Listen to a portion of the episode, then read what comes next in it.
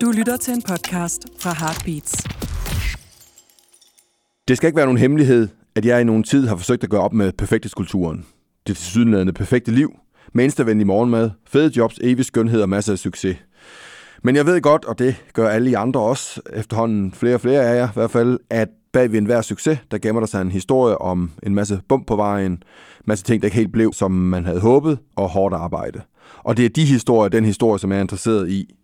Derfor har jeg inviteret en række gæster til en snak om netop det. Velkommen til Fiasko, og velkommen til dig, Pernille Blume. Tak. Tak fordi du blev med. Jamen tak, fordi jeg må være her. Vi er jo sådan efterhånden optaget ret mange af de her øh, Fiasko-podcast med alle mulige forskellige mennesker. Du er den første OL-guldvinder, vi har inde. Jamen, der er jo heller ikke så mange Nej, nej, det ved jeg godt, og det er derfor, det er så fantastisk at have dig, fordi der er jo ikke så mange. Øh, hvor mange OL-guldvinder er der egentlig i Danmark? Åh oh, gud, det må du Ved- slet ikke spørge mig om. Ah, okay, Ej, det, det er et spørgsmål, som jeg næsten føler, jeg burde Altså, kunne men vi snakker om, på. der er vel øh, øh, nulevende OL-guldvinder i Danmark øh, 20 eller noget. Tror du det? Jo, Eller er der flere? oh. Ved du hvad, undersøger vi bagefter. Altså, det kommer selvfølgelig også lidt an på, om man tæller sådan håndbold her, altså håndboldholdet som Nå, ja, sådan en, eller ja, om det er Åh, ja, alle ja, sammen. Ja, det er godt, det er godt. Ja, det er lidt snyd, ikke? Jo, jo. Her går du med nogle individuelle præsentationer, og hvis uh, lytterne derude ikke lige skulle kunne huske det, så fik du en OL-guldmedalje i uh, 2016 Ja, præcis. og bronze i 2021 i og, Tokyo. Yes, og faktisk også en bronze i 2016. Også en bronze i 2016. Yes, med, med vores Nå, nå, med holdkaphold. medley. Yes, Yes, yes, yes. præcis. Det jeg har jo aldrig haft mulighed for, det er jo første gang, jeg møder dig, som der er med mange af de her gæster, jeg har med i uh, den her podcast. Så derfor vil jeg sige tillykke. Jo, tak skal du have. Det var fantastisk. Men uh, lad os lige uh, få sådan uh, lidt nogle flere detaljer på plads om, om dig. Du er 28 år, Det er jeg. født og opvokset uh, i, her i Københavnsområdet, i Bagsvær. Ja, i Bagsvær, Ja. Der, er- ja, der havde jeg sådan cirka hele min barndom. Yes. Bagsvær Kostskole var en stor del af det hele, og sådan. Gik du der, eller? Det gik jeg. Jeg Okay, okay, gik på okay. Bagsvær Kostskole og gymnasium. Yes. Ja. Og svømme, hvilken svømmeklub? Øh... Uh, jeg var lidt rundt omkring. Jeg startede i Gladsaxe ja. øh, med at svømme, og så flyttede jeg til Sigma Nordsjælland. Det er Birkerød og øh, Allerød. Og så, øh, da jeg så skulle starte i gymnasiet, så flyttede jeg faktisk ind øh, på det nationale træningscenter i København, som ligger i Bellahøj. Så du har svømmet øh, det meste af dit liv. Øh, Du er 28 år nu, men ja. øh, svømning har været fyldt stort set alt for dig. Ved Ja. siden af det at have venner og gå i skole. Ja, jeg vil nærmest sige, at jeg, jeg aldrig har prøvet et liv, hvor jeg ikke har svømmet. Nej, nej. Altså, det er jo også sjovt at tænke tilbage på, ikke? fordi man starter jo som regel til svømning bare for at lære at svømme. Øhm, og så lige pludselig, så blev det bare sådan, jamen, så, så fortsatte jeg nok mest af alt, fordi min bror han svømmede, og vi fik nogle venner igennem svøm, og jeg ville alt, hvad han gerne ville, og Ja. sådan. Men så lige pludselig, så når man også en, altså en alder, hvor man tænker, gud, hvordan er jeg egentlig sådan nået her i mit liv, som om at livet bare, du ved, har kørt afsted med en. Man har måske ikke nået selv egentlig sådan at stoppe op og tænke, hvorfor er jeg egentlig her i mit liv? Og, sådan, ja. og det kom bare rigtig sent for mig i min karriere. Ja. Og det var først, øhm, ja, da jeg var, ej, det har nok været, da jeg var 20, tror jeg, at det sådan ligesom startede med sådan at begyndte de her tanker at køre rundt med sådan, hvorfor svømmer jeg egentlig? Ja, Eller ja, sådan, ja. har jeg egentlig selv rigtig valgt det? Fordi jeg gik bare til svømning, lidt ligesom at man også skal gå i skole. At det var sådan en helt naturlig ting. Ja, fordi så, så udvikler det sig. Så du starter som, altså det, vi snakker om, når, når, bare lige for at sætte et, et, et, en alder på, du starter med at svømme som fireårig. Fire år, ja. Og hvornår, hvor, hvor, hvornår bliver det sådan noget, der fylder mere end bare at gå til svømning? Er det som Mm. seksårig? Er det som otteårig? Er det som... Kan du huske det? Jeg kan faktisk ikke helt huske dem, fordi det, det er også lige sådan det der med at blive bevidst omkring det. Fordi det- man, når man er så ung, så tænker man jo ikke over det på samme måde. Så er det jo bare sådan en fritidsting. Så er det, okay, når man er færdig med skole, jamen, så skulle man ud til at se svømmevennerne og sådan. Og så tog man til nogle konkurrencer og stævner og sådan, og så hyggede man sig jo mere, end det egentlig var sådan... Altså, jeg forstod jo ikke engang konceptet omkring, at vi var i en konkurrencesituation. Mm. Jeg kan huske det øjeblik, det går op for mig, at det her det var en konkurrence, og det galt om at vinde. det, det er jo også en mærkelig ting, at man har sådan nogle øh, små øjeblikke, du ved, i sit liv, hvor man tænker, hov, der, der fik jeg en eller anden sådan lille opvågning eller noget, og der har jeg jo ikke været mere end, altså måske 10 år eller et eller andet, der sådan, da det går op for, måske har været 8 eller et Ja, eller andet, men ja. det har i hvert fald været meget tidlig alder. Men jeg vil sige, der hvor det sådan ægte begynder at fylde for mig, har nok været i 2008, fordi jeg sidder og ser OL i Beijing sammen med nogle af mine andre svømmekammerater. Og så går det ligesom op for mig, at jeg tænker, hey, det der, det Der- ser fedt ud. Der er du 14 år, ikke? Ja, yes. Ja. ja. det ser fedt ud. Det vil jeg gerne være med til. Ja. Og så, så er det, jeg ligesom tager en beslutning om, nu må jeg så også hellere til at gøre noget lidt ekstra for, hvis det er, at jeg skal nå det her. Og i mit hoved, der tænker jeg, fire år, altså, når man er så ung, så er fire år jo bare en menneskealder, ikke? Men det er meget fedt at sidde og se OL. Det tror jeg, mange af tænkt, det der, det, det virker meget, det ser meget fedt ud. men du gjorde så noget ved det, kan man sige. Ja, ja, men nu var jeg jo også inde i sporten, og sådan, så jeg tænkte ikke, at sådan, nu skulle jeg prøve noget andet eller noget. Det var ja. meget naturligt for mig, at selvfølgelig skal jeg det til OL i svømning, og jeg sad jo også og så OL i svømning. Og jeg så en af pigerne, altså Lotte Friis, vinde en OL-medalje, og vi sad deroppe om natten og havde sådan helt camp nærmest, ikke? Ja. Altså, og så tænker jeg, at det der, det, det vil jeg altså gerne være med til. Så som 14 år, altså der fyldte det meget, og du gik meget op i det, men du havde ikke truffet en beslutning. Altså det er jo der, du ligesom træffer beslutning om at sige, jeg vil gerne prøve at være med til et OL. Ja, præcis. Okay. Og så er det sådan, så, altså, det er jo sådan, jeg synes, det, det er svært, når man er så ung at være så bevidst omkring så mange ting, så der er også nogle ting, hvor man ikke rigtig tænker over det, og så sker tingene sådan på en eller anden måde lidt af sig selv, og så går det lidt op for en hen ad vejen okay, hvad skal der egentlig til, og du ved, er der nogle beslutninger, jeg skal tage, og så videre. Ja, ja. Så jeg havde to år, øh, hvor jeg trænede i klub, og så efter de to år, så kunne jeg mærke, at nu var det på tide, du ved, at jeg lige tog det altså, ryg ekstra, og det var så at flytte ind på det nationale træningscenter. Og det tror jeg også for mig var det, der ligesom gjorde sådan, det var et ekstra sådan commitment til ja. mit mål om, at jeg gerne ville nå et OL der i 2012. Og, og var du med i 12? Det var jeg. Det var du og jeg var 18 år. Jeg var meget grøn. Ja. det var fantastisk. Jeg, jeg og nu spørger bare... mig meget dumt, skal man være 18 år for at være med til OL? Nej, det skal du faktisk ikke, okay. men der er en aldersgrænse, og jeg mener, den er 14 eller 15 år. Ja. Og det kan godt være, at det er, at det er lidt forskelligt, fra sport, til sport. Ja, ja, klart. Fordi øh, i hvert fald gymnasterne, de er jo ret unge, men ja, de har i hvert fald sat en aldersgrænse på, fordi ellers så havde de jo 9-årige med altså, ja, ja, klart. Til, til OL på et tidspunkt. Og det, øh, gymnastik er jo bare sådan en sport, der er så så crazy, ikke? Ja. Altså, de træner jo... Ja, ja. Altså, vi træner meget, ikke? De Hold træner rigtig meget. Så, så, du, du, så fire år efter, du siger, at jeg vil med til OL, der kvalificerer du så til OL som, øh, som 18-årig? Ja. Det er meget sejt. Ja. Men, men, men bare tilbage til, Pernille, det du siger med, at, at du så også får en refleksion som 20-årig omkring, havde du egentlig valgt det? Når du lige beskriver den her situation som 14-årig, så lyder det jo egentlig som om, det er meget tilvalgt. Altså det er alligevel af dig, der er et eller andet i dig, der, der både kan lide svømningen og går op i det, bruger din fritid, sidder og laver, den måde du beskriver, sidder og laver camp, det, det er din hobby. Ja. Det lyder som noget, du har valgt, og så vælger du også på det tidspunkt at sige, det der OL, det skal jeg prøve. Ja, altså jeg tilvalgte jo også, at jeg gerne ville til OL, ja. og så nåede jeg det. Men hvad så, ikke? Ja. Og det var det, hvor jeg tror, som 20 år, jeg ligesom stod og tænkte, ja, ja okay, øhm, har jeg nu egentlig så valgt det her, altså ja. den her vej? Ja. Fordi indtil da, der havde det jo bare været, jamen jeg vil gerne til et OL, og det var ligesom mit mål. Og så nåede jeg mit mål der fire år efter, og så skulle jeg jo fortsætte, eller sådan, nu havde jeg jo nået mit ultimative mål. Så, og så blev det den der refleksion omkring sådan, øhm, altså havde jeg jo haft to år efter OL, hvor jeg ligesom bare havde kæmpet mig lidt igennem tingene, ja. og havde prøvet sådan at have den her hverdag, som jeg jo kendte til, og altid havde haft, og sådan, det var jo så meget mig og min, min identitet. Og, og så, gik, så var det ligesom om, at sådan, det nåede bare til et punkt, hvor at jeg var simpelthen så stresset, og ked af det, og jeg kunne ikke rigtig trives i det, og ligegyldigt hvad jeg sådan prøvede at gøre, om jeg så var at ændre lidt i mine træningsmetoder. Jeg tog også til udlandet for at træne og det ene og det andet. Men der var bare intet, der ligesom gjorde sådan, at jeg rigtig synes, at det var super fedt. Mm. Og der var det så, jeg begyndte at spørge mig selv, hvorfor er jeg egentlig i det ja. her? Altså, har jeg så selv tilvalgt det her? Eller, yes. Jeg har jo ikke rigtig valgt det til, i hvert fald efter jeg havde nået mit mål, som var OL i 2012. Nej. Så, så målet var ikke nødvendigvis, at du definerede det der mål, er det mere at være med og ja. prøve oplevelsen, for det ser sjovt ud, end målet var, jeg skal vinde guld. Ja, det var det. Var det? Okay. det var det i hvert fald 100% til at starte med. Og så selv vil jeg så sige, altså inden jeg så vandt guld, og selvom jeg valgte, jamen nu vil jeg gerne til, tage et OL ind, altså igen, så var det ikke med sådan, ja, jeg, jeg kommer, det er for at vinde en guldmedalje, fordi det lå så fjernt fra ja, mig. Ja. Altså det var ikke fordi, at jeg på, på den måde havde performet særlig godt, du ved, individuelt op til det her OL. Og det havde jeg ikke gjort i en lang årrække. Jeg var altid den, der var lige ved at være næsten, men jeg havde bare aldrig rigtig haft det der gennembrud. Ja. Selvom jeg havde været en, altså, en del af den her holdkap, som vi havde med pigerne i mange, mange år, og vi har stået på medaljeskamlen og haft verdensrekorder og det ene og det andet, så havde jeg bare aldrig nogensinde selv ligesom formået at putte mig selv derhen, hvor det var, at det egentlig var interessant. Jeg var altid lige ved at være næsten. Mm. Og det var, det var så frustrerende, ikke? fordi jeg synes jo selv, at jeg gjorde alt det, der var i min magt, og jeg synes selv, jeg trænede og trænede og trænede, og altså virkelig bare slidt mig selv op, ikke? for at nå derhen til, men aldrig nogensinde fik, altså, jeg høstede aldrig det, jeg sådan rigtig lagde i det.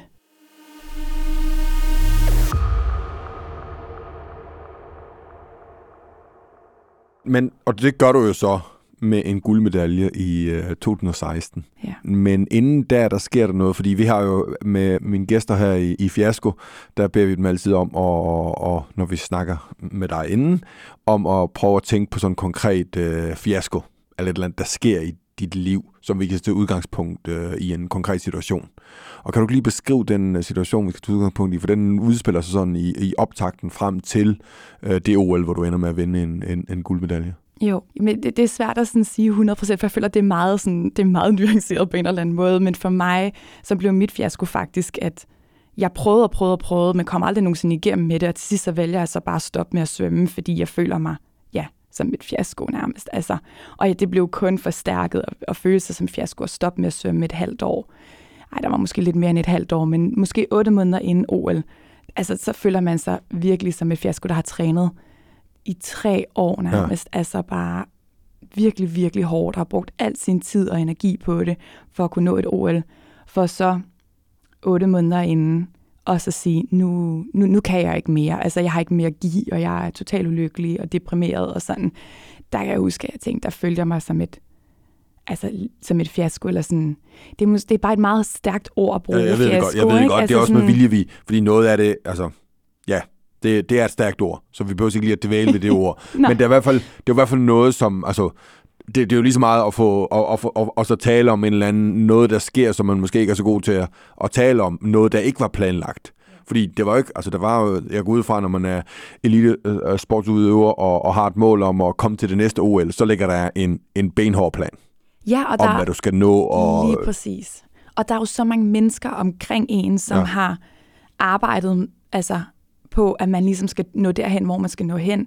Og det var jo også den der følelse af at skulle skuffe rigtig, rigtig mange mennesker, som havde brugt vildt meget af deres tid på at få mig hen til et sted, som rent faktisk kunne performe. Ja. Så bare skuffelsen, du ved, altså for mig selv også, men også at det at skulle skuffe så mange mennesker, og selvom at jeg jo godt ved, at min familie altid ville bakke op om mig osv., så, så havde jeg også følelsen af på en eller anden måde, at jeg skuffede dem lidt, fordi de havde gjort så meget, investeret så meget i, at jeg kunne have mit liv på den måde, jeg havde det på, fordi svømning kræver bare rigtig, rigtig meget. Og det kræver også, at man har nogle mennesker omkring en, som ligesom kan støtte op omkring det her. Og på det tidspunkt, jeg ligesom ikke kan mere, der, der er jeg jo ikke lige frem i overskud med, sådan, med mig selv og mit eget sådan, selvværd og selvtillid, og hvordan jeg har det, og sådan, der er jo bare et kæmpe minus, og altså, det er jo ligesom sådan en ond cirkel, ikke? hvor det er sådan, den ene sandhed bliver bare den næste efter, altså, man bliver jo sådan en selvopfyldende profeti omkring, at man bare ikke, man ikke rigtig kan finde ud af noget, og man har ikke rigtig noget at give til folk, og man er den, som, som bukket under, hvor alle andre ikke gjorde. Mm. Men hvad er, det, hvad er det, der sker? Hvorfor når du frem til den konklusion, de der otte måneder før? Kan du prøve at, beskrive det mere? Fordi du vælger at sige, jeg skal ikke svømme mere. Ja, det gør jeg. Altså ikke bare, jeg har brug for en pause eller noget. Du siger, jeg skal ikke svømme mere. Ej, jeg startede med at sige, at jeg havde brug for en pause, Okay. og, så, Okay. og så Men- fandt jeg hurtigt ud af, at nej, det, det, det var bare ikke nok. Nej, Det kunne ikke gøre det. nej. Øh, og det, det er så svært at være i det der limbo in between. Ja. Øhm, og det var også lidt derfor, jeg nåede til at sige, okay, nu stopper jeg, fordi jeg kunne ikke blive ved med at være i det. Det var alt for svært og alt for hårdt. Øh, og jeg kunne ikke få altså, det der perspektiv på det, fordi når man står midt i sådan, altså midt i orkanens øje, så er det jo svært at se tingene i et højere perspektiv. Ikke? Men altså sådan, det, der gjorde, at jeg nåede dertil, det var det her med, som jeg tidligere sagde, sådan, at jeg nok lidt stoppet op og stillet mig selv det spørgsmål, om jeg egentlig sådan, hvordan var jeg kommet hertil? Havde jeg egentlig selv valgt det? Eller var det bare sådan lidt, at livet havde taget mig herhen, og så helt sådan ubevidst, som jeg var som menneske på det tidspunkt, mm. ikke havde tænkt videre over, hvordan mit liv egentlig så ud, og hvad, hvad, altså, hvad for liv jeg gerne ville leve, hvad der egentlig gjorde mig glad, og hvad der egentlig gav mig noget, og hvad jeg gerne ville investere i mit eget liv og sådan. Så det blev meget sådan nogle eksistentielle, det er et ja. ord, der er lidt svært, Ja, ja. spørgsmål for mig selv. Ja. Øhm, og det var ligesom det, der, sådan, der drev mig lidt til vanvid på en eller anden måde, for jeg havde bare ikke svaret på det, og jeg følte, at der var så mange mennesker, altså på godt og ondt, som havde taget så mange beslutninger for mig, og ikke givet plads til, at jeg ligesom selv kunne blive den her unge kvinde, som jeg mm. var med min egen stemme. Og det var ligesom derfor, at jeg til sidst bare bukkede under for alt det her, fordi jeg anede ikke, hvorfor jeg var i det. Jeg anede ikke, hvorfor jeg gjorde det ene og det andet og det tredje til træning, eller hvorfor jeg ikke gik ud i weekenden og så videre. Jeg var bare sådan, men det gør man jo bare, fordi hvis man gerne vil re- have resultater, så kan man jo ikke gå ud i weekenden og hænge ud med sine venner, eller, og så skal man træne på den her måde, og så videre.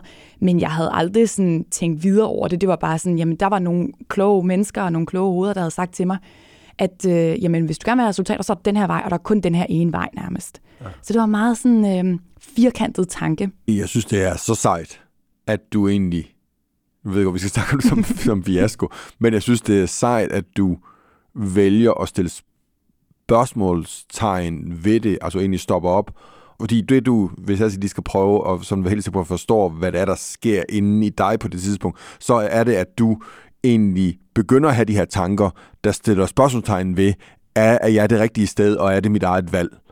Og når du så er i de tanker, og det er sikkert også være, være tankemøller, der kører, så kan du bare ikke fortsætte i det. Så er du nødt til at stoppe, ja. for at få, hvad skal man sige, for egentlig at få tænkt det, for at få svaret på det. Lige præcis at få den der luft og det der perspektiv på tingene. Altså, ja det, det, det er svært nogle gange at, at mærke sig selv, hvis det er, at... Altså, og nu vil jeg så sige, at i den her situation, der havde jeg ikke kunne mærke mig selv. Jeg havde måske aldrig nogensinde helt stået op i mit liv og egentlig rigtig mærket efter altså i mig selv. Så det der med sådan at mærke sig selv, for mig var det jo sådan helt... Altså, det var meget fremmedsprog. Ja, ja. Øhm, hvad betød det egentlig? Altså, vi forstår jo godt ordene, men hvad betyder det rent faktisk, du ved, at kunne mærke sig selv? Og, og sådan, det ved jeg da ikke. Altså, sådan, jeg ved ikke engang, hvor jeg skal begynde at lede.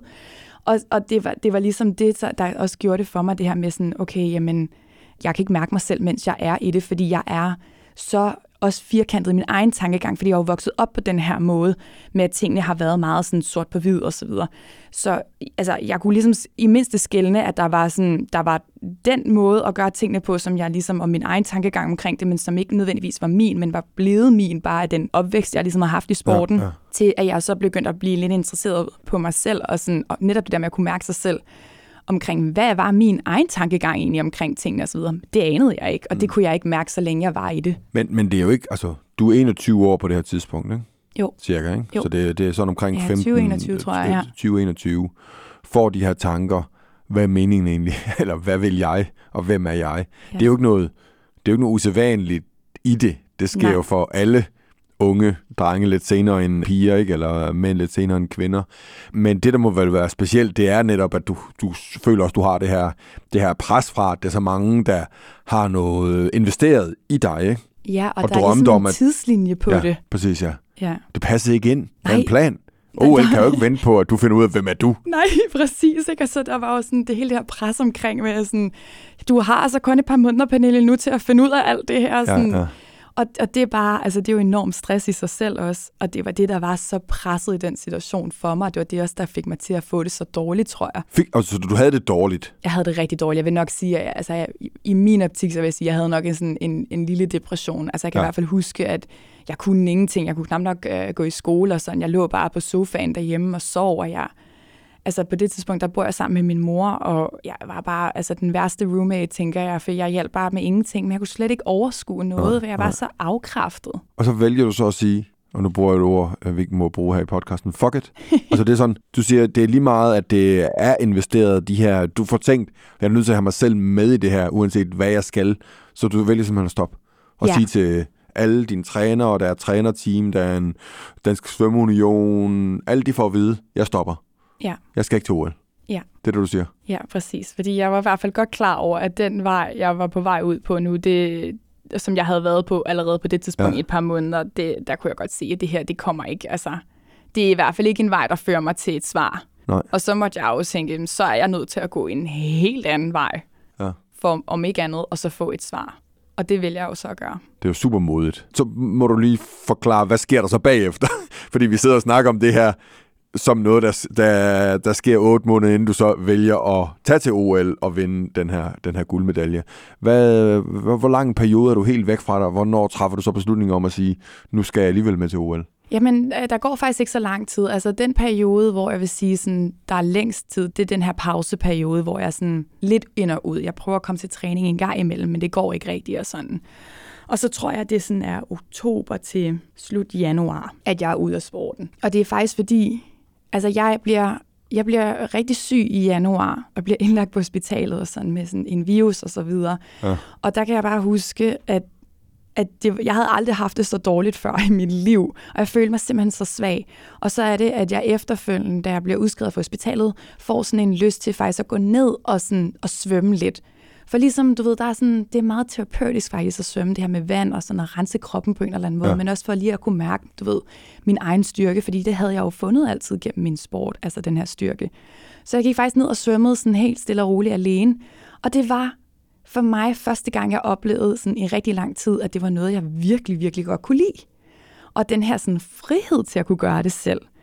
Og så lige pludselig så begyndte der sådan at spire nogle tanker og nogle idéer og så videre, og noget sådan, hov, havde jeg nu givet det den her en sidste chance omkring at svømme, altså, og det, for mig var det, handlede det om, at jeg ligesom kunne skabe mit eget setup på en eller anden måde, om hvordan jeg gerne ville træne, og hvordan tingene skulle se ud, og så bare prøve det af.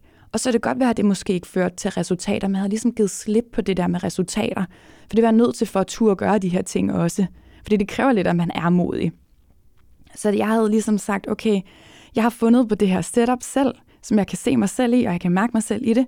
Nu præsenterer jeg det for min træner, og så hører jeg, hvad han har at sige. Og jeg tror, han ligesom følte sig en lille smule bundet på hænder og fødder på det tidspunkt, at han kun næsten kunne sige ja.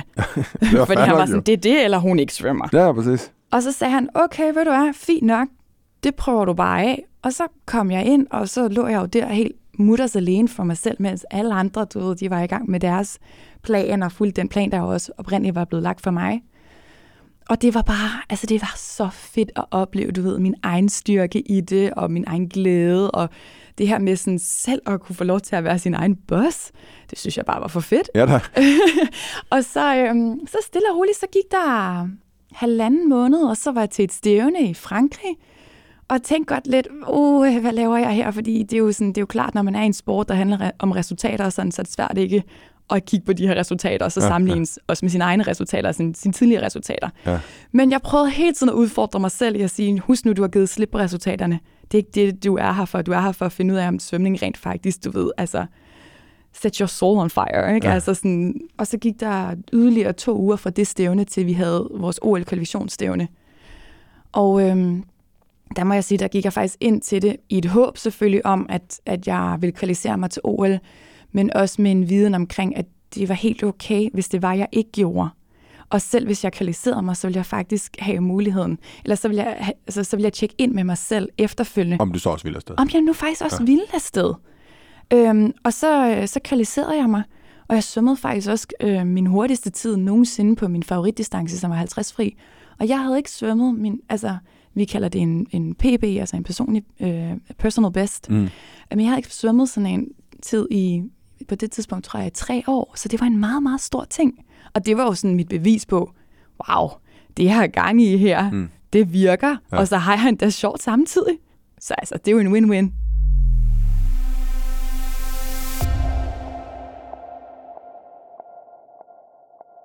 Hvad tror du var sket, hvis det var, at du ikke havde stoppet?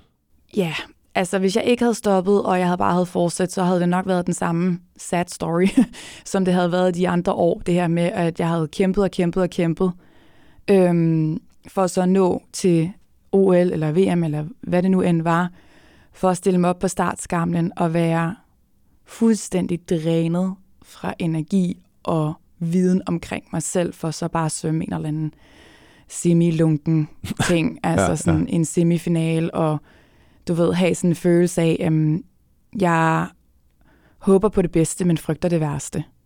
Fordi jeg ikke vil ane, du ved, hvor mit eget fundament var i det, ja, ja, og jeg vil ikke ja. ane. Jeg vil prøve at hænge mig fast i, at øh, jamen, jeg har trænet rigtig, rigtig godt. Det vil være sådan det, jeg vil gribe fat i på det tidspunkt. Sådan, jamen, jeg har trænet rigtig godt, så det må, det må kunne bære mig. Men samtidig bare stå på start, startskamlen og vide, at jeg havde slet ikke styr på mig selv, og jeg var så nervøs, fordi jeg havde ikke det der fundament inde i mig selv hvor jeg ligesom kunne hive den her racer op af mig selv, som det ja. kræver, fordi det kræver, at du har noget selvtillid og noget selvværd, en eller anden form for fundament. Det er ligesom om, du skal næsten blive, du skal blive resultatet nærmest, før du overhovedet får det. Du skal ligesom steppe ind i den energi og have den så meget i dig selv, ja. at du kan få det resultat ud af dig selv. Og det ville jeg aldrig have haft, hvis det var, at jeg ikke stoppede med at svømme. Det der med at, sådan, at kun lægge, altså, lægge alle sine penge på, at jeg har trænet godt, ikke? Det, det, det gør de fleste jo, altså, men der er mange, der træner rigtig godt. Der er mange, som træner langt bedre end en selv. Der vil altid være dem, der træner dårligere, altid dem, der træner bedre, altid dem, der er stærkere, altid dem, der er svagere, øh, svagere osv. Men det er jo ikke det, der gør, at du får resultatet. Fordi hvis det var, at vi alle sammen fik et resultat bare ved at træne godt, ikke? så stod vi jo og var mange flere verdensmestre og olympiske mestre, end hvad vi er. Ja, ja, klart. Så bare lige for at forstå det, du beskriver med, at der er, nærmest kunne have været to versioner af dig, der har stået på skammen. Der lyder som om, den, den version, der endte med at stå på skammen, det var en, der havde et, øh, et stærkere fundament og et selvværd, fordi du havde valgt at sige helt stop, og tage os, hvad skal man sige, nederlaget omkring det, ja. og være en quitter, der sagde, yes. jeg stopper helt, og så kom, så kom du så tilbage, og er det rigtigt forstået, der står der en version af dig, der ikke ser det som en kæmpe fiasko, hvis du nu ikke skulle vinde.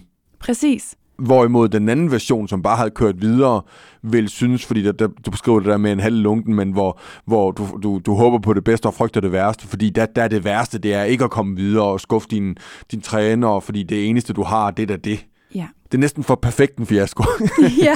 så det, nå, fordi det vi prøver med, med, med de her også, når jeg, når jeg taler om fiasko i forhold til øh, iværksættere, det er jo også, eller vi har tit diskussioner omkring, perfektionskulturen, som jeg gerne vil gøre op med. Det vi heldigvis, det er der heldigvis mange derude, der gerne vil. Det vil du også. Ja. Så sad du ikke her, og det er fantastisk del den historie, for den er med til at sige, find nu dig selv i det. Men præstationskulturen vil jeg jo egentlig gerne holde fast i. Det, det er som menneske, det er det, jeg synes, vi udvikler os i som, som, som samfund. Men man kan kun opnå noget vildt som iværksætter, eller som sportsudøver, eller som politiker, eller også som menneske, hvis man også er parat til at se, fejl som et, et muligt yes, resultat. Præcis, som altså, mulighed. Som en mulighed, det kan godt ja. være. Og så er det ikke end of the world. Altså jeg prøvet at gå øh, på røven med min første virksomhed, og, og ikke blive udskammet, og ikke være i en situation, hvor ingen nogensinde gad arbejde med mig længere eller noget. Det var bare fordi, jeg vidste godt, hvorfor vi var gået på røven med den virksomhed, så kunne jeg gå videre med den næste virksomhed. Ikke? Øhm, så tak for at dele den næsten lidt for perfekt ja, ja, ja. fiasko, men, men det er også modigt, ja. fordi du tør faktisk det er jo ikke et eller andet planlagt om at sige, nu skal du lige tage et eller andet selvhjælpskursus og sådan ting for at finde dig selv. Du ender faktisk med at sætte alt på et bræt ved at sige, nu stopper jeg. Ja. Altså, der var for mig mange, der var utilfredse med din beslutning. Ja, mange. Jeg mange. mødte også stor modstand, og, og lige så meget, da jeg kom tilbage. Og det var et helt stop. Det var ikke sådan noget med, nu prøver jeg lige. For du havde prøvet det der med pauser. Yes, så du præcis. tog konsekvensen af det og meddelt, jeg stopper. Ja. Indstiller karriere. Ja. Men jeg vil så sige sådan, at øh, min træner på det tidspunkt, som faktisk øh, var vores landstræner, han, øh, jeg tror, han holdt lidt vejret på den, fordi jeg, altså, jeg, er ikke, jeg er faktisk i tvivl om, han nogensinde sagde det til altså sådan, ledelsen i, i Dansk Svømmeunion, for jeg tror på en eller anden måde, at han lige selv også skulle tage, du ved, tage den ind i sig selv og have igennem den proces. Jeg tror måske, ja. han faktisk lige gav mig noget tid. Men jeg, jeg ved det faktisk ikke, fordi jeg havde bare en snak med ham, og jeg var også tilknyttet en sportspsykolog. Øhm, hvor jeg også bare sagde til ham, nu kan jeg ikke mere. Altså, vi har siddet og snakket og snakket alting til døde, og sådan, ja. jeg, kan ikke, jeg har ikke mere at sige, og jeg kan ikke, altså jeg siger jo det samme igen og igen, det bliver bare navlepilleri, og der er meget den her sådan lineære tankegang i det. Jeg kommer ja. aldrig rigtig ud over stepperne med noget. Øhm, og han, han prøvede så hårdt, altså, og han var, han var så rar, min sportspsykolog, men han kunne, ikke, altså, han kunne ikke arbejde med mig, fordi der var ikke noget at arbejde med. Mm. Øhm, og jeg tror, at det, der ligesom gør det for mig, det er, når jeg kom væk fra det, så fik jeg ændret min egen tankegang fra det her med, sådan, og det, det er noget, jeg sådan, øh, virkelig dyrker meget stadigvæk i dag, at man kan komme igennem livet på mange måder, ikke? men der er også, det er en kunst at kunne komme igennem livet med sådan lethed. Lethed omkring alting. Og det er et det er en beslutning, man skal tage med sig selv. Det vil sige, det betyder jo ikke, at man ikke bliver udfordret i livet. Eller, eller at ting er ligegyldige. Nej, lige præcis overhovedet ikke det. Nej. Det handler bare om, at når man møder noget modstand, eller oplever, at man har øh, nogle negative tanker omkring nogle ting, så vælger man aktivt at tage fat i dem, og hvad kan man sige, omdirigere dem til noget, en historie, der lyder bedre for en, som er let positiv. Positiv på ikke nødvendigvis at være det, men sådan, okay, det, det er så det her, sådan her det ser ud. Kan jeg bruge det som en eller anden udfordring? Er der nogle ting, jeg lige skal ændre og du ved, øhm, gå en anden vej på? Eller kan jeg, kan jeg måske prøve at udfordre mig selv i min, i min tankegang sådan, om det her? Så det handler om nogle gange det der med at omdirigere sig selv og, og så også leve det. Ja. Så ikke bare, du ved, fange de her dårlige tanker osv., men også leve det. Og det mener jeg med at sige, at komme igennem livet med en lethed, mm. frem for den her sådan meget faste, at det er sådan, når man, det her, det, det her, den her Det er situation er sket, øh, ja, ja. og den er sket til mig, og jeg kan ikke rigtig gøre noget ved det. Mm. Jeg, er bare, jeg, jeg er sur og irriteret over det her, så det er bare sådan, jeg er. Nej, du har et valg omkring det, men, men du skal tage det aktivt. Men, men Pernille, kunne du lige så godt, vi er vel enige om, du kunne også godt være endt i den situation, at du ikke var kommet til OL i 16. ja, sindssygt Og det ville du egentlig være okay med. Prøv Altså, det- det er for svært at se tilbage til. Ja, hånden på hjertet. Jeg havde 100% fældet en tårer eller to, det skal da være ærligt at sige. Altså, jeg havde nok følt det lidt som en slags dommedag. Så. Hvis det var, du Men- ikke var. Ja, det tror jeg. Uanset hvor meget arbejde jeg egentlig havde lagt i, sådan, i min selvudvikling inden da, så var det nok lidt stadigvæk. Altså, jeg, jeg er rimelig sikker på, at jeg var blevet rigtig, rigtig ked af det, men jeg var nok kommet over det i sidste ende. Præcis. Vi kommer jo igennem tingene alligevel. 100 procent. Og så leder det jo ofte os til en eller anden... Så har du lavet noget andet. Det er det, og så det, det, livet leder jo altid til nogle nye ting, om ikke Så har andet. du været til skiskydning eller et eller andet. Så har du fundet ud af, det, altså, man kan enten lægge sig fladt ned, eller man kan rejse sig op igen, ikke? Ja, ja. Tror du, der er mange i, øh, i sportsverdenen generelt med det pres, der er enten generelt i sportsverdenen eller, eller konkret i, i, øh, i den svømmeverden, du kender godt, der egentlig ender med ikke at få den her refleksion og sådan nogle ting, og så bare køre, altså hvor der simpelthen ikke er plads til dem som personer og individer. Oh yes, jeg vil sige størstedelen. Det kræver, især i sportsverdenen, som er bygget op på så meget målbart, og som, hvor at vi bliver testet hele tiden, og vi, alting skal kunne måles og vejes og sådan. Der vil jeg sige, det kræver rigtig, rigtig, rigtig meget mod at ture bevæge sig ud for den måde, som vi altid har gjort tingene på for at få resultater.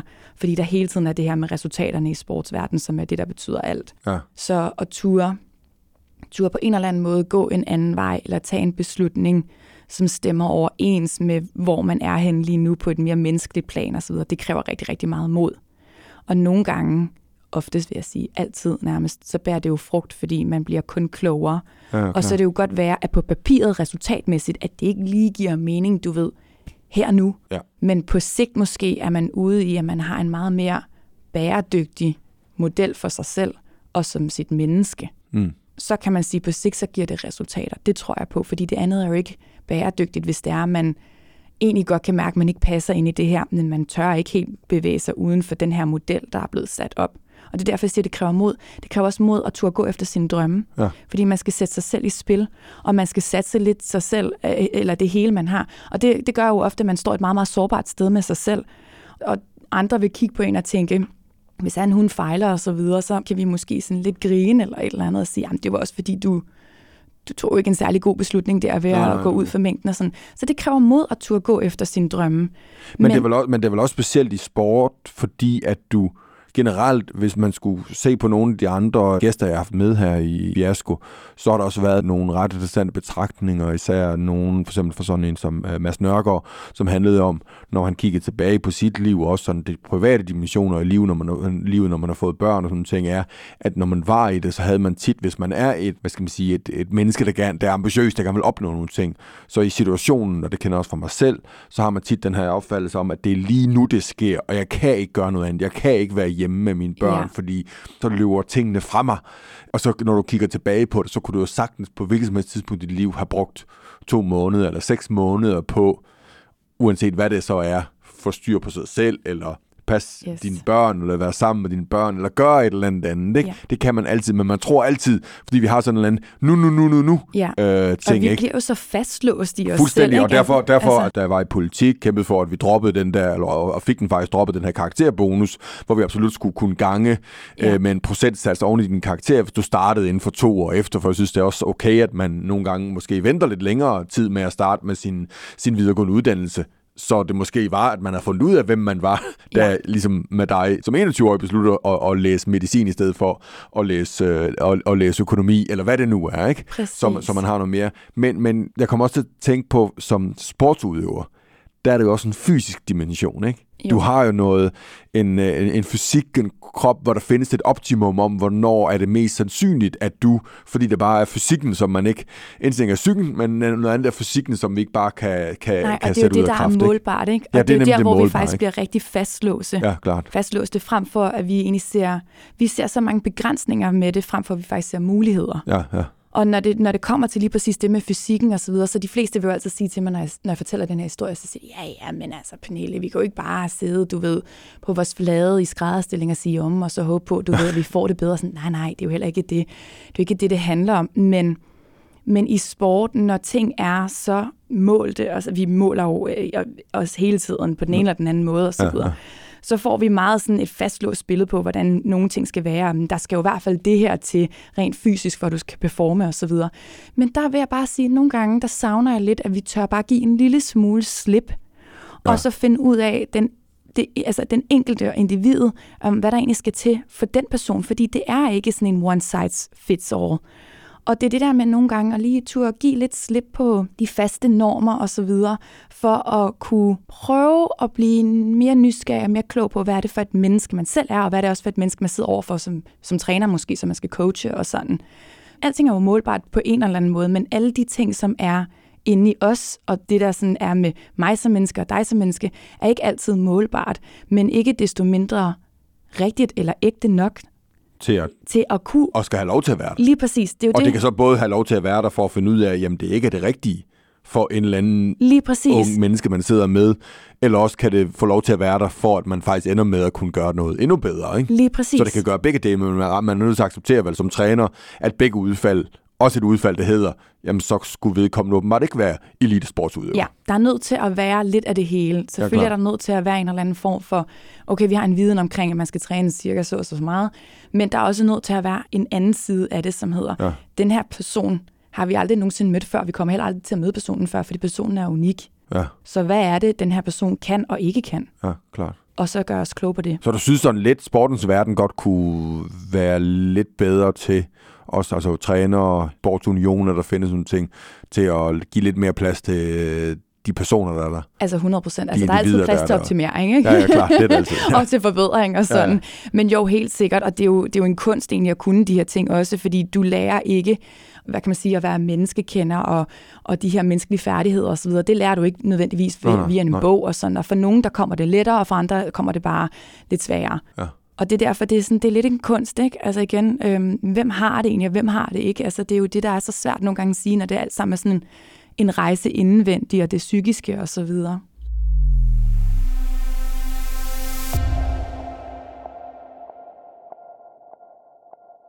Men så lad, lad os prøve at gå videre der fra OL i 2016. Så vinder du en guldmedalje. Du har, man, det kan jeg afsløre her som 47-årig, man ved aldrig helt rigtigt, hvem man er. man bliver bedre og bedre til det. Det er så, en evig rejse, men? Det er en evig rejse, ja. Men du står der og føler, at det er din OL-guldmedalje. At du gjorde det på din måde. Du sagde helt stop, kom tilbage med en, en glæde til det. Og så var det bare uh, the sky's the limit efter det. Så var alt en dans på rose, fordi nu havde du fundet dig selv og fået gjort op med, at, hvordan man egentlig gør det der, fået lagt din egen plan, føler du selv var chefen. Så alt gik godt frem til næste OL og nu, eller hvad? Ja, jeg, jeg havde i hvert fald følelsen og du, af... Og være status er lige nu, at du er stoppet nu. Yes. Yes. Altså at indstille din karriere. Ja. Er det, er det tidligt egentlig? Det, jeg er, det er ikke ret tidligt. Okay. Det er ret tidligt inden for, for min sport. Fordi man godt kunne have fortsat til... Jeg kunne i hvert fald godt lige have fortsat til et OL mere, som yes. er her i 2024. Ikke? Ja. Og så kan man sige, så havde det også været rimelig acceptabelt, at jeg havde stoppet med at svømme. Okay, men det er tidligt, øhm, du stopper. Det er ret tidligt, at stoppe. Men, men hvad er der sket de sidste 6 år, 6-7 år siden? Øh, ja siden OL. Du vinder, du, du tager til OL igen. Det blev så i 21 på grund af corona, men 21 i, i Tokyo og vinder igen øh, medaljer. Prøv at fortælle, hvordan har det været efter, efter den gang? Ja, men altså, du ved, det første år, eller OL i 16, det var bare ligesom sådan en skrab i overfladen, følte jeg. Så efter, efterfølgende, så havde jeg bare tænkt, sådan følelsen af, jamen, ja, the sky is the limit. Altså, jeg, jeg har først lige begyndt. Ja. Det her, det er sjovt. Hvad mere kan jeg få ud af det her? Altså, hvor meget mere kan jeg ændre på nogle ting og, og føre nogle nye ting ind i, i min sport, som måske ikke var set før, ved bare at være mig, kan det her på en eller anden måde faktisk altså sådan, øhm, skabe en form for en ny kultur, og kan, kan jeg i samarbejde med de her trænere, jeg møder på min vej, du ved, rykke lidt til dem også på den her måde. Og det var det, jeg synes, der var sindssygt interessant. Det var altså de mennesker, jeg ligesom arbejdede sammen med efter OL, som ikke var de samme mennesker, jeg havde arbejdet sammen med frem til OL. Men det var faktisk lige så interessant, fordi de kom også ind og havde en idé om, om mig, og hvordan du ved, jeg ligesom var nået dertil og så videre. Men til ligesom, at vi begge to fik rykket på hinanden, altså nu var det min træner der, jeg kom til at tænke på, men også alle de andre også, altså ja. mine svømmekollegaer og sådan. Så jeg vil sige, at det har været en rejse efter det OL på at hele tiden være nysgerrig og hele tiden udfordre hele den her normalitet, der har været inden for sport, som har været meget sådan fastlåst med nogle meget faste rammer om, hvordan tingene skal gøres. Hele tiden at udfordre de her ting, samtidig med også hele tiden at udfordre mig selv, fordi man bliver jo hurtigt også sådan godt tilpas et eller andet sted, hvor man tænker, nu, nu har jeg det jo rigtig fint, og jeg er nået til et sted, og det ene og det andet. Og så blive ved med hele tiden at udfordre sig selv, og det synes jeg så også, at det sport kan gøre, fordi det hele tiden stiller krav om resultater. Mm. Men det er også intenst at være i. Og jeg er et meget sensitivt menneske.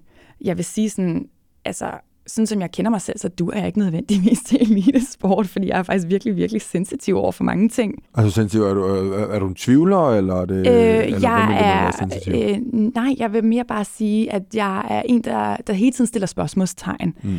Og samtidig er jeg også sådan en... Øhm, jo, jeg vil også sige, at jeg, godt, jeg er godt tvivle, men det kommer også lidt af mine spørgsmålstegn med alting. Ja, ja. Jeg vil det, rigtig gerne forstå ja. alting, og sådan, ja. jeg, jeg, jeg vil ikke bare have noget at vide, og så er det sådan, hvorfor gør vi det egentlig? Ja. Eller hvorfor gør jeg det? Jeg er også meget sådan sensitiv i den forstand, at jeg, jeg mærker mange ting i forhold til mig selv og andre mennesker og sådan, og det er sådan lidt på godt og ondt, men nogle, nogle gange, så, så kan jeg være så sensitiv omkring mine egne følelser, og hvordan jeg har det og så videre. Det er ikke altid lige super hensigtsmæssigt, når man skal stå og performe. Mm. Men Fordi der skal man være lidt mere en maskine. Skal man være lidt en hård negl, ikke? Ja, ja. Øhm, og jeg vil ikke nødvendigvis sige, at jeg er den sådan, hårdeste negl overhovedet. Øhm, så det har jo også været det, der har været interessant for mig at finde ud af, sådan, hvornår jeg kan steppe ind i de her forskellige roller og have det og sådan. Men det er bare, at sport er, og især elitesport, er sindssygt hårdt at være i. Og det er ikke for alle. Mm. Og det er jo også, altså, det er også derfor, det hedder elitesport. Altså, du skal være et sted med dig selv og din psyke, hvor du kan være i det, ellers så, så æder sporten dig. Altså. Ja. Og, og jeg vil sige sådan, i forhold til mig, der, der tror jeg, sådan, det var både nogle gange min styrke at være så sensitiv med nogle ting, fordi det gør også, at jeg er i stand til at virkelig kunne mærke mig selv. Og nogle gange, så er det jo var det min største svaghed at kunne mærke mig selv så meget, når det nogle gange var lidt mere hensigtsmæssigt, at jeg bare lidt lagde alle mine følelser på kanten og så videre, så hoppede ned i bassinet. Og så, altså, og så lige pludselig så at stå og være den, der, der performede allerbedst, og blev ved med at skulle performe allerbedst, og alle øjne var på mig og så videre. Det er ikke sjovt, når man er super sensitiv, faktisk. Nej. Altså, jeg blev meget påvirket af, at det lige pludselig at skulle være et kendt ansigt udad til, og det at skulle stå og forklare alle om, hvorfor jeg tog nogle valg, som jeg gjorde, og sådan det ene og det andet, og så blive mødt med sådan med folk, der ikke forstod mig eller noget. Og hvem, når du siger folk, er det så... Men det er jo så bare sådan den generelle befolkning, og jeg ved ja. jo godt, at det svar vil være altid, det skal du da bare være ligeglad med. Men det er jo bare altid nemmere sagt end gjort. Nogle ja. gange var jeg da ligeglad, nogle gange så kunne jeg lukke ned for det og sige, det der, det, det, det gør mig ikke noget godt. Det må jeg videre fra. Men hvis det er, at jeg var et sted, hvor jeg følte mig sårbar, og hvor det var, at jeg ligesom havde sat mig selv rigtig meget i spil osv., så, videre, så er det altså rigtig svært at lukke ned for de her ting. Altså, så sent som OL i Tokyo, hvor jeg faktisk var et sted hen med mig selv, som var et rigtig, rigtig godt sted, og jeg var så jeg var så hårdfør på en eller anden måde, i, men i den forstand, at jeg bare hvilede så meget i mig selv, og hvad jeg kunne bringe på bordet. Men så stod jeg alligevel og tager en beslutning omkring noget, som giver rigtig, rigtig god mening for mig, og som er helt overensstemmelse med, hvordan min sæson har været, og hvordan min træning har været lagt, og hvad der giver mening. Og udadtil bliver det sagt på en måde, der kaster et lys over mig i hvert fald, som, som ikke er særlig fedt. Og, og lige pludselig så rullede pressen afsted under OL i Tokyo med, at nu var jeg jo også en kæmpe diva, og du ved, nu var jeg blevet for god til at gøre det ene og det andet, og det tredje og det fjerde. Og jeg blev simpelthen så ked af, at jeg stod der, fordi jeg stod bare til et OL, og var sådan, jeg står her som forsvarende olympisk mester, og jeg føler bare, at alle de hader mig. Ja, ja. det var virkelig, virkelig svært at være ja, i, så der, ja. der havde jeg lige en dag, hvor jeg lige skulle altså, græde ud og bare være menneske, og bare være i mit sårbare jeg. Indtil at jeg så står, du ved, og skal performe, så bliver jeg bare helt rullet og skulderen til tilbage. Så er jeg bare et andet menneske, der er bare sådan, der er ikke nogen, der kan få mig ned nej, med nakken. Altså bare try me. I har ikke prøvet alt det, jeg har været igennem, og I har ikke fedt. lagt alt det tid og arbejde i det her, som jeg har. Det er faktisk, jeg, jeg sidder og tænker, når vi sidder og taler her, to vidt forskellige verdener, øh, og du er noget yngre, end, end, end jeg er, men det er sjovt, hvor mange ting i det, du beskriver, der egentlig ligner lidt nogle af de oplevelser, jeg havde nok især i politik hvor jeg også tænker lidt, at, at en af de årsager til, at jeg også forlod politik, var, at jeg ikke var særlig god til at være ligeglad med, hvad andre folk tænkte omkring mig. Ja. Og det er ikke særlig godt, apropos det, det, det sensitive. Ikke? Det er ikke nødvendigvis en særlig god egenskab at have i politik.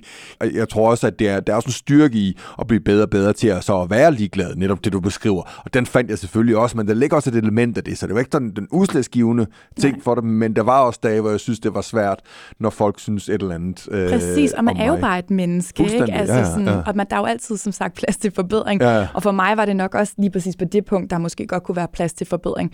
Men det er også svært, ikke, hvis man hele tiden bliver mødt med nogen, der dømmer en, og ja, nogen, klar. der virkelig har mange ting at sige omkring en, men som har ingen viden eller idé omkring, hvad er det for et menneske, der egentlig har siddet og taget de her beslutninger, og med hvilke intentioner og sådan det ene og det andet. Og så hvis man helt tiden bliver mødt med det, så er det også svært at blive ved med at holde den der væg oppe, som bare siger, at jeg er ligeglad. Ja, ja præcis. Ja. Altså, man tænker også lidt nu, at der har været øh, VM, og der tænker man også, at mange spillere, uanset øh, danske eller udenlandske spillere, man håber lidt, at de ikke læser avisen, ikke? Jo. Fordi de, de ting, der bliver sagt der, ikke? De, de har også en, øh, en, en, en hårdhed i sig. Jeg føler, sport og politik, det giver sådan folk et, et frikort til bare at save os midt over. præcis, ja. præcis. Det kan, vi godt, det, det kan vi godt blive enige om. Nu er jeg generelt, jeg tror jeg også, er, er historien om dig, så før det går hylekor i den her, så har vi nok begge to også øh, generelt oplevet, at folk godt kan lide. Altså, ja. jeg tror, der er andre derude, man skal have mere ondt af end, end, end, Ej, end, end, end dig og mig, fordi Ej, jeg, jeg tror sikkert. lidt, at, at generelt så Øh, sådan har jeg det i hvert fald, er det mere et privilegie, end det er noget andet, ikke? Jo. Øhm, så ved du hvad, tiden øh, løber. Jeg har simpelthen så mange, mange spørgsmål øh, til dig. Jeg skal bare lige til sidst. Du stoppede nu. Det er jeg. Hvorfor stoppede du? Jeg synes ikke, at uh, svømning kunne byde på flere udfordringer, Fedt. der, sådan, der fangede min interesse, og jeg tror også, man kan mærke igennem den her samtale, at jeg er en, der søger udfordringer yes. og nye læringer, så, øhm, så jeg kastede mig ud i livet. og hvad så nu? Jamen, nu må jeg se, hvad livet har at byde på. Jeg ved det faktisk ærligt ikke helt. Der er nogle ting, der er sat i gang og så videre, men jeg har lidt øh, en masse følere ude diverse ja. steder. Og så ser vi, hvad der kommer ud af det. Men øh, jeg er sådan en, der godt tør springe ud i livet. Fedt. Pernille Blume, tusind tak, fordi du gad at være med. Det var en fornøjelse at tale med dig. Mange tak. Tak. Jo, tusind tak lige måde.